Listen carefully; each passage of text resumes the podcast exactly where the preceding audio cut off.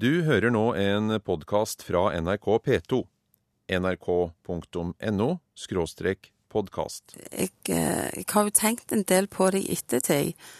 Eh, For det er jo en del som spør om liksom, var det ikke forferdelig, men jeg syns ikke det var det. Jeg, eh, jeg mener at til mer media inne i bildet, til mer får folk vite om det som skjer. Jeg tror media har en ganske viktig rolle, eh, men du ser at det er veldig stor forskjell på hva de legger trykk på. Vi er jo stort sett og leiter uansett, og noen ganger ser du saker som knapt er omtalt i media, mens andre ganger så er det forsider på alle aviser og TV-sendinger og alt. Så det, det varierer veldig. Det handler jo om identifisering, eh, og jeg tror det er eh, lettere for mange av leserne våre å eh, identifisere seg med historier eh, der mindreårige er borte.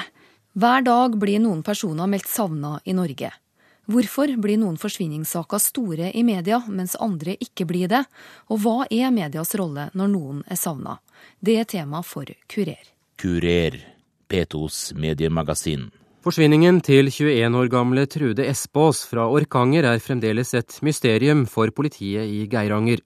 I dag har nærmere 60 personer lett langs veiene, og det er søkt med politihund. I hele dag har politiet leita etter ei 16 år gammel jente som er meldt savna ved Østensjø i Oslo. Det har kommet inn 50 tips, og 30 personer er avhørte i samband med at 20 år gamle Tine Jørgensen ble borte i Stavanger sist søndag. Og i morgen starter familien privat søk i området. Jeg opplevde media veldig positivt, for det var media som først tok tak i det, for politiet de ville vente. Så fra dag én så var media på min side, føler jeg, i denne saken.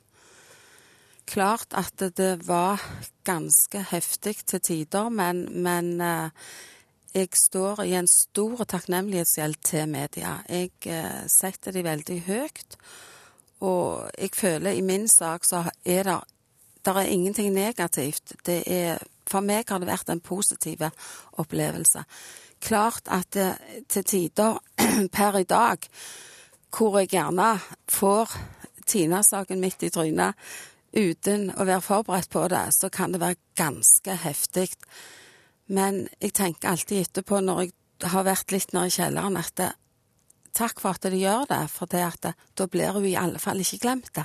Torunn Austdal Rasmussen er mor til Tina Jørgensen, som forsvant i Stavanger 24.9. i 2000. En måned senere ble 20-åringen funnet drept i en avløpskum ved Klepp, 25 km fra Stavanger. Kort tid etter forsvinninga økte pågangen fra journalister. De kontakta meg som regel per telefon. Tok du telefonen sjøl? Eh, Det gjorde jeg for det meste, ja. Og var folk på døra hos deg i tillegg? Ikke uten at de først hadde spurt om å få lov. Hvordan opplevde du den pågangen? Den eh, Jeg kunne jo sjøl styre det. Så jeg føler ikke Det er ikke alltid jeg kjenner meg igjen i andre sine fortellinger når det gjelder media. For det at jeg føler jeg hadde sånn et åpent forhold til dem at eh, jeg eh, Nei, jeg er takknemlig for det at de gjorde det de gjorde i Tina-saken. Hva slags forhold hadde du til at eh, saken hennes ble slått så stort opp? Jeg, eh, jeg Det syns jeg var positivt. For til, til, til mer som fikk vite om det, til mer eh, tenkte jeg at til mer får politiet vite. Så, så for meg så, så opplevde jeg ikke det som negativt, nei. Og, og de jeg hadde kontakt med i media, de var veldig forsiktige. De, eh, jeg fikk lese alt det de skulle skrive. Jeg ble forberedt og Nei, jeg må si at eh, jeg har ingenting negativt å si om det. For at eh, VG skal omtale en sak, så vil det veldig ofte være da en kriminell handling som ligger bak. Eh, det er på en måte den første forutsetningen som gjør at vi eh, omtaler saker i bredt omfang. Det sier Tora Bakke Hundlykken, som er nyhetsleder i VG. Eh, Det som vi har sett i en del av sakene som har nådd vår førsteside, da har det handla om unge mennesker, mindreårige. Det ser vi har skapt et ekstra engasjement. I et eksempel vi har hatt den siste tida, Sigrid-saken, så så man jo da at dette engasjementet var jo veldig stort lokalt helt innledningsvis, men fikk etter hvert da eh, nådde ut nasjonalt. Eh, Og jeg tror jo at eh, de, de sakene eh, handler jo om at det er en situasjon som alle kan identifisere seg med.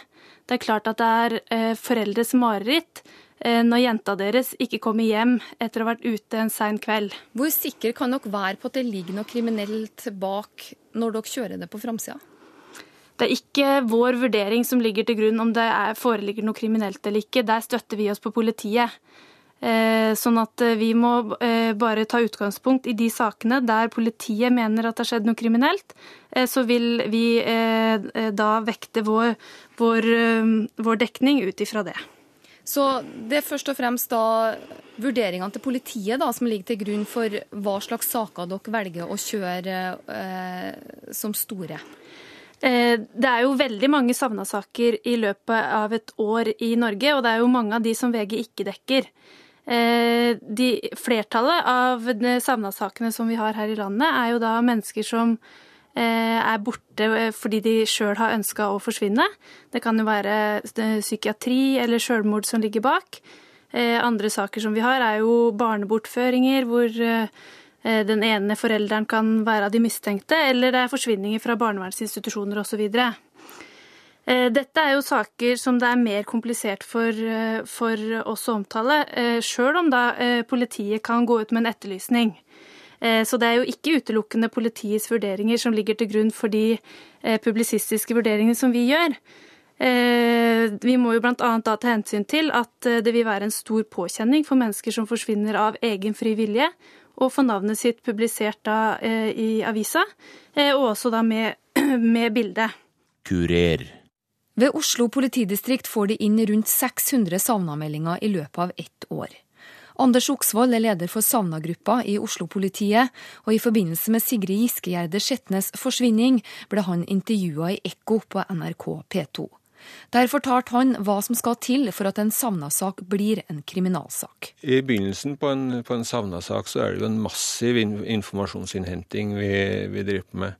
Eh, for å kartlegge litt om, om, rundt person og bevegelsesmønster og, og, slike ting. Og så er det de opplysningene der som vi fanger, som vi, som vi analyserer der, som, eh, som, i noen tilfeller, fåtall av tilfellene, gir en overvekt av sannsynlighet for at vedkommende er utsatt for noe kriminelt. Og da eh, blir saken med ett en kriminalsak, i hvert fall en mistanke om kriminalsak, og etterforskes av, eh, av andre. Noen personer blir meldt savna flere ganger i løpet av ett år. De fleste kommer til rette av seg sjøl. Men i løpet av de siste 20 årene har over 400 mennesker fått status som forsvunnet. Oksvold forklarer hvorfor. Det kan være flere kategorier, men det, kan, altså det er dem som ikke er gjort rede for, kan det være, og så kan det være dem som ikke har eh, funnet levninger til. Det er jo klart, det er, jo, det er en del nordmenn opp gjennom de siste 15-20-25 årene som har uh, vært passasjerer i fly, i båter, uh, som, som, har forlist eller styrta, sånn at vi vet hvor Eh, sannsynligvis hvor de er. Men eh, vi, de er ikke til rette i den forstand at vi har levningene, så derfor blir det tallet der eh, noe høyt. Så dem det letes aktivt etter per i dag, er nok langt, langt mindre enn 420. Oksvold kommenterte også interessen for Sigrid-saken. Hvis du ser på, på, engasjementet i stort sett alle savna-saker, så, så, er det voldsomt. En savna-sak er ikke bare et forhold mellom den som er borte og den som melder. Man har eh, en øvrig familie, foreldre, søsken, tanter, onkler, bestefeller, skolekamerater, idrettslag og andre venner og kjente nabolag og det meste. Slik at det grunnengasjementet er virkelig til stede i, i alle Sanna-saker. Her er det i tillegg gått over til å være en straffesak, hvor man eh, sannsynliggjør at, eh, at den savna sannsynligvis er utsatt for noe kriminelt. Og kriminalsaker det fanger interessen veldig i, i, befolkningen. Da vil vi sette av dedikerte reportere som ofte da jobber med saken fra dag én. Eh, all den tid det ofte er eh, kriminalsaker som får brei omtale i våre spalter, eh, så vil det ofte være da reportere som har en spesiell kompetanse nettopp på krimfeltet. Hvor store ressurser har dere brukt på Sigrid-saken i sommer? På Sigrid-saken så har det vært eh, fra fem til sju reportere som har jobba. Eh, de har da jobba både med publisering for eh, nett og for papir gjennom hele nyhetsdøgnet. Kan du si litt om hvordan de har jobba? Da har de fått dedikerte oppgaver. Det er jo noen som har hatt en spesiell kontakt opp mot politiet. I Sigrid-saken så har det jo også vært sånn at de pårørende helt tidlig fant en dedikert talsperson som hadde kontakt med pressen. Så da har vi hatt personer som har sikra at vi har hatt god dialog inn mot de pårørende. Pluss at det er viktig for oss å være ute blant folk på stedet. Snakke med naboer Eh, få de innspillene som, eh, som, ligger der. Vitnebeskrivelser av Det har jo vært eh, bl.a. mange biler som har vært etterlyst i den saken. Så det er viktig for oss å få snakka med de vitnene som har sett sentrale ting i saken. Stadig ofte så ser vi at familier velger seg ut en talsperson. Hvor viktig er denne talspersonen? I Sigrid-saken så ble det jo da valgt ut en talsperson som hadde kjennskap til hvordan pressen jobbet. Eh, det var jo også sånn at de eh, valgte ut denne personen helt tidlig eh, i forløpet. Og det tror jeg har vært en veldig god måte å håndtere situasjonen både for familien, som da har slipper å ha den direkte kontakten med pressen, pluss at pressen har fått anledning til å få svar på, på de spørsmål som naturlig dukker opp i forløpet av en sånn sak. Eh, så jeg tror at det har eh, vært en løsning som, eh, som, både familien og som mediene har vært godt fornøyd med. Har det ført til flere oppslag? Det tror jeg. Fordi at i denne i Sigrid-saken så har det jo vært i familiens interesse å holde å, holde, å, å sikre en bred omtale. Eh, så jeg tror nok at det har ført til eh, flere oppslag. Det er jo sånn at eh, bred omtale i mediene sikrer oppslutning da i leiteaksjonene, og det har også sikra at politiet har fått en strøm, jevn strøm av tips hele veien.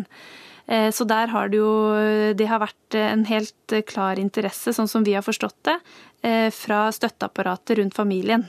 Torunn Austdal Rasmussen hadde en bror som tok på seg å være talsmann da dattera Tina ble borte. Det betydde mye. Veldig mye. Det er han som sto meg nærmest. Så han gjorde òg en kjempejobb når det gjelder når det gjelder det med media og pressen. Og det gjorde òg en ekssvoger av meg som tok seg av eh, leteaksjonene. Så klart at eh, jeg ble jo litt skjerma av alle de andre som tok på seg eh, oppgaver i denne sammenhengen.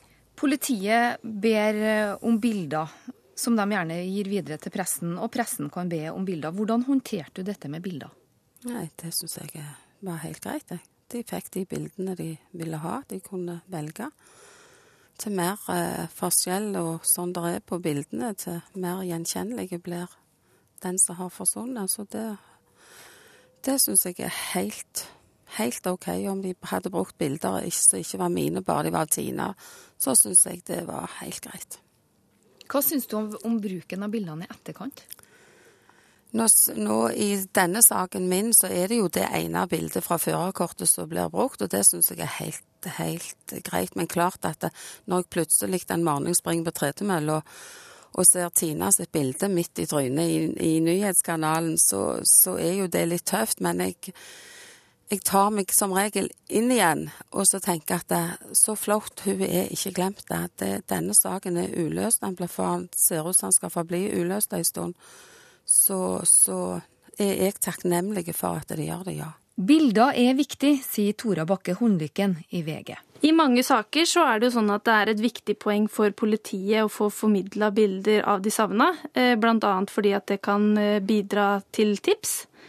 Eh, for oss så er bilder, på samme, som, på samme måte som teksten er det, viktig for å få fram budskapet i en historie. Jeg tror at uten bilder så er det vanskeligere for leseren å forstå og identifisere seg med saken. Men det er jo da viktig å få fram samtidig at uh, publisering av bilder uh, skjer i dialog med både politi uh, og med pårørende. Er det fellestrekk ved bildene som blir brukt? Eh, ofte så vil de første bildene som kommer i en, eh, i en savna-sak, være bilder som eh, politiet har valgt ut i samarbeid med de pårørende. Og det vil jo da være bilder hvor kanskje de gjengir et typisk uttrykk for, for vedkommende som er savna, sånn at det skal være lett å gjenkjenne. Vi ser jo også at de kan gi ut eh, overvåkningsbilder for å eh, vise kroppsfasong, eh, hva vedkommende har gått kledd i, hvordan vedkommende beveger seg osv. Så, så bildene er viktig for politiet for å kunne bidra til at de får inn tips. Hvor aktiv er VG for å få tak i egne bilder? bilder er viktig for oss, og det handler jo da om at leseren skal Eh, kunne forstå og identifisere seg med saken. Eh, og bilder er, som med eh, tekst, da, et viktig moment for å, få fram et, å få fram budskapet i historien. Så vi vil da forsøke å få tak i bilder, da i dialog med både politi og pårørende. Så det er ikke aktuelt for oss i, i savna-saker der hvor navn ikke er frigitt av politiet og vi ikke har samtykke fra de pårørende å publisere det. Er det stort sett politiet som styrer hvilke bilder som skal ut? I den innledende fasen av en savna-sak så vil det ofte være det. Eh, men i mange saker så eh, oppretter man jo også en dialog med de pårørende. Eh, eller kontaktpersoner inn til de pårørende. Og da vil man jo avklare bildebruk også der. Hvor mange forskjellige bilder er det ønskelig å ha? Nei, altså det viktigste er å ha et eh, å, å kunne vise bilder av vedkommende som er borte. Eh, sånn at vi kan eh, få fram et budskap i historien. Sånn at bilder er viktig på samme måte som tekst er viktig. Og nye bilder kan bidra til å sette saken i et nytt lys. Og er også med på å kunne dokumentere hvem vedkommende var. Eh, og også bidra til innsikt i sakskomplekser. Så det er jo også sånn at bildebeviser er jo eh, viktig eh, vel så viktige beviser for politiet når de skal etterforske hvorfor en person er borte, bl.a. Ja, fartøysjef svarer. Noen har som jobb å leite uansett om den savnede blir omtalt i media eller ikke. Trykket fra media varierer veldig, sier sjef ved 330-skvadronen på Ørland i Sør-Trøndelag, Ken Ronny Strøm. Jeg tror media har en ganske viktig rolle, eh, men du ser at det er veldig stor forskjell på hva de legger trykk på. Vi er jo stort sett og leiter uansett, og noen ganger ser du saker som knapt er omtalt i media, mens andre ganger så er det forsider på alle aviser og TV-sendinger og alt. Så det, det varierer veldig. Hvorfor tror du at noen forsvinningssaker blir stor i media, mens andre ikke blir det? Jeg tror den største grunnen er jo Eh, hva som har skjedd, altså hva slags personer som er savna. Altså alder, kjønn, eh, situasjonen rundt forsvinninga og hva de mistenker. 330-skvadronen flyr statens redningshelikoptre og deltar bl.a. i søk- og leteoppdrag. Ved Ørland hovedflystasjon gjennomfører de 30-40 leteaksjoner i året, anslår skvadronsjefen. Han ser ikke bort fra at også de profesjonelle lar seg påvirke når det blir en stor savna-sak i media. I utgangspunktet så tror jeg ikke det påvirker oss så veldig mye. Men hvis en sak drar ut over lengre tid, så tror jeg det fort kan være underbevisst at det blir lettere å motivere seg. Hvis det fortsatt er stort trykk i media etter det har gått fire-fem dager, enn om saken er helt borte i media. I hvor stor grad tar journalister kontakt med dere når det er forsvinningssaker? Som regel så blir vi forespurt, eh, i hvert fall av lokal presse her, altså Adresseavisa og NRK Midt-Norge, i tillegg til eh, også VG og Dagbladet osv. når det er store saker. Kurer. P2s mediemagasin. Politiet og Kriminalpolitisentralen har startet nye søk i området der den drapsdømte Thomas Quick påstår at han drepte Therese Johannessen. Vi har fortsatt ikke funnet noe, så dere må ikke slutte å leite. Vi er avhengig av alle som står her, og enda flere. Så hvis dere ser en presenning, så må dere løfte den opp. Hvis dere ser en container, så må dere stikke hun inn der. Beklager. Vi kan ikke utelukke noe. De fleste store forsvinningssakene i norske medier omhandler jenter eller unge kvinner. Profesjonelle letemannskaper har inntrykk av at kjønn spiller en rolle. Det har også mora til Tina Jørgensen. Dessverre så er det jo sånn, og faktisk så føler jeg og tror på, på liksom de sakene som har vært opp igjennom, at når det er jenter, så får de større oppmerksomhet enn gutter. Dessverre. Jeg føler det. Men om det er riktig, det vet jeg ikke. Men i de forsvinningssakene som har vært opp igjennom, så syns jeg det har vært større blest om jentene som forsvinner, enn guttene. For det er jo òg gutter som forsvinner og ikke dukker opp igjen. Hvorfor tror du det er sånn?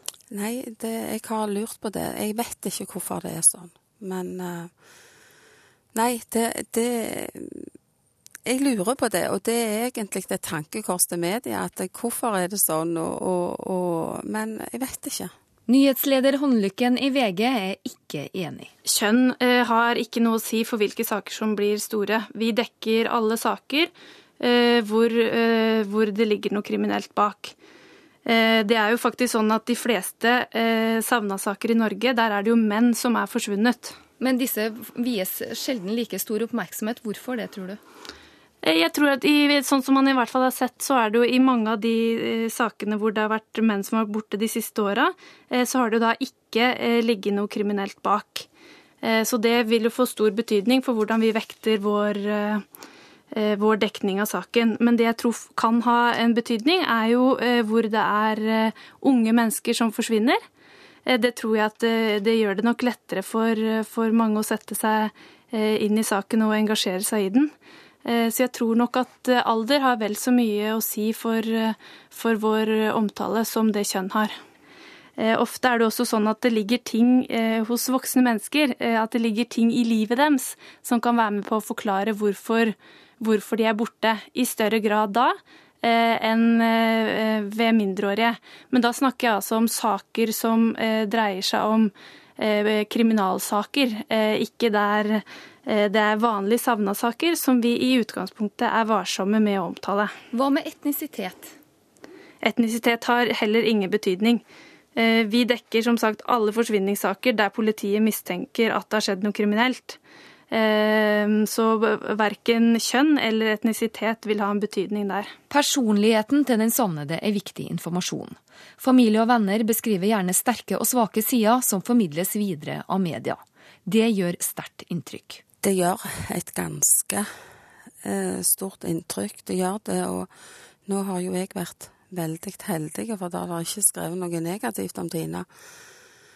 Så, så, for meg så er det godt å lese hvordan andre oppfatter det. Ikke at ikke du bare sjøl syns at du var ei flott jente, men at andre òg har et positivt bilde av barnet ditt. Det vi, eh, som er viktig for oss, er å få eh, riktig, så riktig som mulig beskrivelser eh, og relevante beskrivelser for saken. Eh, det er jo sånn da at i savna-saker så, eh, så hvor, hvor, det er kriminaletterforskning, så vil jo da vedkommende være et offer. Og vi vil jo da være skånsomme med å trekke inn personopplysninger som er negative, eller som er saken uvedkommen. Sitter dere gjerne med detaljer om forsvinninga eller den savnede som dere ikke går ut med? Det skjer ofte, så det er jo avveininger som vi må gjøre fortløpende i eh, dekninga av en nyhetssak. Hvilke detaljer som vi mener det er riktig å publisere, eh, og hvilke som vi ikke kan publisere. Eh, og der er vi jo også i tett dialog med politiet. For vi har jo ingen, ingen ønsker om å ødelegge en etterforskning. Hvor ofte sitter dere på opplysninger som dere ikke går ut med? Det vil variere veldig fra sak til sak. Men det er klart at opplysninger som vi er særlig varsomme med, går jo da på eh, om, Omhandler jo ofte da privatlivet til vedkommende som er eh, forsvunnet. Der er vi varsomme med å gi ut opplysninger, hvis ikke det er relevant for grunnen til at vedkommende er forsvunnet. Da. De fleste som blir meldt savna, blir funnet. Tar det tid, så blir også de store forsvinningssakene borte fra forsidene. Det fikk også Torunn Austdal Rasmussen erfare. Egentlig så, så gikk det veldig greit, syns jeg. Til tider så syns jeg Enkelte ganger så tenkte jeg å, står det ingenting i dag i avisen? Så, så savna jeg jo at det, det var noe. Men, men eh, klart at sånne nyheter har jo sin eh, periode, og så er det over. Men, men eh, jeg, eh, jeg, har jo tenkt en del på det i ettertid. Eh, for det er jo en del som spør om liksom, var det ikke forferdelig, men jeg syns ikke det var det. Jeg, eh, jeg mener at til mer media inne i bildet, til mer får folk vite om det som skjer. Det kan jo komme en del oppslag med spekulasjoner om hva som har skjedd. Hvordan, ja. Eh, hvordan oppleves det? Det klart at når det er sånne spekulasjoner, så begynner jo de da, De gror jo fast i. Jeg spekulerer ennå på en del av de spekulasjonene rundt min egen sak. Og, og, og klart at det, det, er både godt og vondt. Men jeg kan ikke si at jeg syns det er så negativt. For det at uh, vi er så nyhetsbe...